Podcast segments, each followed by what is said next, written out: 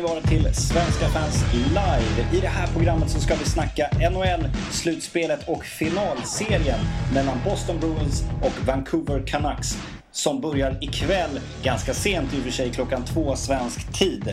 Eh, vi ringde upp eh, Niklas Wiberg här på Svenska fans som eh, jobbar just med NHL-sidan på sidan. Och han har ju stenkoll på NHL. Så vi ringde upp honom och frågade lite varför just Boston och Vancouver är i final. Alltså den här säsongen har ju varit väldigt, väldigt öppen redan från start. Tidigare år har man kunnat hitta alltså en, en två, tre, fyra lag kanske som man kunnat peka på att eh, de här de, de kommer göra upp om det. Mm. Men eh, inför den här säsongen så kändes det som att du kunde rabbla upp tio lag. Mm. Och eh, de här två var givetvis med då, då va. Men eh, att båda två skulle vara i final, det trodde jag inte inför säsongen. Nej. Vad, vad är det som gör att, att Boston och Vancouver är i final? Vad är det som gör att de har lyckats i slutspelet? Det är ju två gedigna lagbyggen med stabila målvakter. Mm. Båda lagen är ju väldigt skickliga defensivt. Och eh, det är ju defensiven som vinner slutspel åt dig, så att säga, mm. i NHL. Offensiven eh, ger dig en bra utgångsposition i grundserien. Men för att kunna konkurrera i slutspelet måste du ha en målvakt som kan eh, vinna matcher åt dig och en defensiv som faktiskt kan uh, plocka bort motståndarnas bästa spelare. Mm. Så den där klyschan att uh, man måste ha en bra, bra målvakt för att räcka långt i slutspel, den lever fortfarande? Ja, uh, det, det, ligger mycket i det. Man behöver inte längre ha en, en jättefantastisk målvakt som det kanske var för några år sedan. Mm. Men man behöver en stabil målvakt som kan, kan ta några matcher här och där. Och det, det har vi sett de senaste få åren här nu va. Ja. Eh, och det är en eh, historisk final på det sättet. Boston har ju, läste jag till mig, har inte vunnit Stanley Cup sedan 70-talet. Precis, 72. 72, så det är jäkligt stort för dem. Oh ja, oh ja. Det är ju en gammal klassisk eh, organisation. Så eh, hela staden har ju gått och väntat på den här eh, finalen. Mm. Och det är ju någonting som, som har hänt de senaste åren här i NHL, vilket gör det ganska roligt. Förra året var det Chicago som inte vunnit på jag vet inte hur länge. Eh, det är ju lite charmen med NHL nu, att den är, kanske inte är så förutsägbar längre. Oh ja, oh ja. Lönetaket har ju förändrat eh, verkligheten för många lag. Tidigare så kunde ju de rika lagen kunde ju plocka in så de hade tre stycken första kedjor egentligen. Mm och eh, en hel drös med försvarare och sen en fantastisk målvakt längst bak. Ja. Alltså det, det ska mycket till om man klarar det i dagens NHL. Chicago klarade det i fjol för att de hade väldigt många spelare, väldigt många duktiga spelare på deras uh, första kontrakt så att säga, så de var billiga. Så de hade ett fantastiskt lagbygge tack vare det. Mm. Tycker du att det är bättre nu än, eh, än det var förut? Ja, både och alltså. Jag, jag förstår ju helt och hållet NHL som vill ha en eh, jämn eh, liga där det är eh, väldigt många lag som kan konkurrera. Mm. Samtidigt så är jag lite färgad i och med att jag är Philadelphia-supporter. Och Philadelphia var ju ett av de här lagen som hela tiden kunde spendera.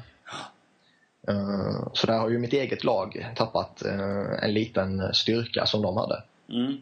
Men uh, överlag så tycker jag nog ändå trots allt att det är något positivt. Ja. Om vi, om vi tittar på finalen då. Vad, hur ser förutsättningarna för lagen ut? Eh, till att börja med, vilka tror du, vilka tror du kommer vinna i, i det långa loppet? Jag tror Boston. Mm. Jag tror att eh, Bostons defensiv med eh, Tim Thomas längst bak har förutsättningarna för att stå emot Vancouver. Um, Nashville lyckades ställa till med stora problem för tvillingarna Sedins kedja till exempel. Mm. Och jag tror att Boston som har uh, ett fantastiskt backpar i Sten och Chara och Dennis Seidenberg uh, borde kunna klara av att ställa till problem där också. Mm. Och ly lyckas du... att uh, Chara har längsta hockeyklubban i hela NHL? Jag ska faktiskt säga att jag är inte så jätteinsatt i hockeyklubbarnas längd, men det skulle ju inte förvåna mig. Nej. Det är väl eh, Chara eller Hal Gill i Montreal skulle jag gissa. Mm. Eh, om man tittar på Vancouver då, de har väl bäst eh, powerplay-delning. Att de, de sätter var tredje powerplay-spel så blir det mål. Det, måste, Ja, det, ju, det känns ju som att det är väldigt viktigt i ett slutspel.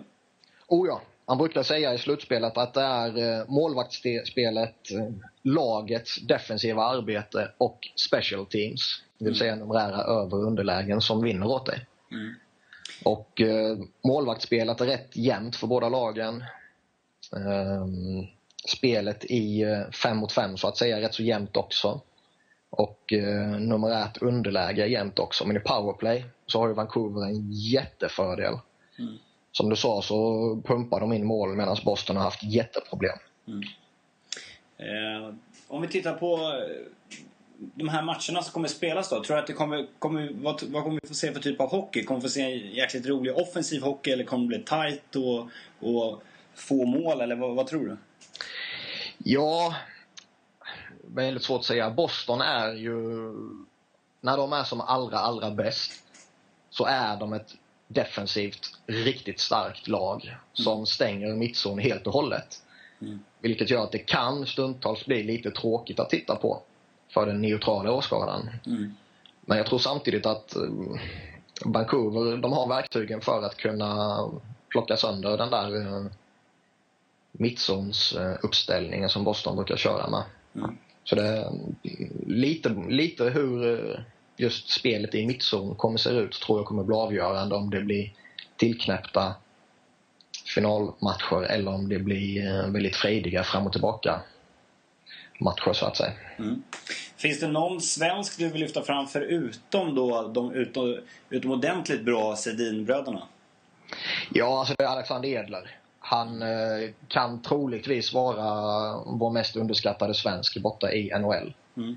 Han har haft en jätteutveckling senaste säsongerna, två säsongerna här nu. Och eh, hans namn nämns med oerhört stor respekt borta i Nordamerika. Men eftersom han inte är så, vad ska man säga, så glamorös i sitt spel så får han inte riktigt de stora rubrikerna här hemma i Sverige. Mm. Vilket är väldigt tråkigt för han är väldigt, väldigt duktig. Ja. Eh, om vi tittar på, på första matchen här, vilka vinner den första matchen då?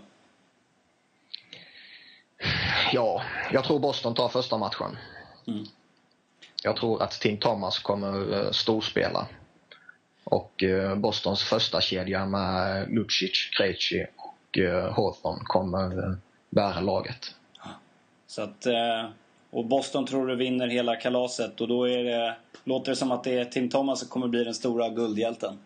Ja, alltså både han och Roberto Longo i, i Vancouver är ju riktigt duktiga. Men Thomas eh, sprider ett lite mer lugn till sina lagkamrater.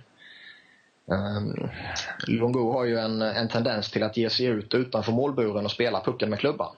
Mm. Och eh, där kan han ställa till med stora problem om man ska vara ärlig. Och det, det kan sprida en, en väldig panik i Vancouvers eh, defensiv eh, under en längre period där också faktiskt. Mm. Så jag tror, jag tror han kommer eh, kliva fram för Boston. Och jag tror det backparet jag nämnde innan med Chara och Seidenberg kommer eh, prestera riktigt bra hockey under hela, slut, eller hela finalserien. Ja, vi får se om eh, Niklas får rätt där när han säger att Boston kommer vinna Stanley Cup 2010-2011. Första matchen går ikväll, eller i natt rättare sagt. Och då startar den 2.05 svensk tid och ni kan se den i TV10 och i Viasat Hockey. Tack så mycket för att ni lyssnade den här gången. Vi hörs såklart snart igen.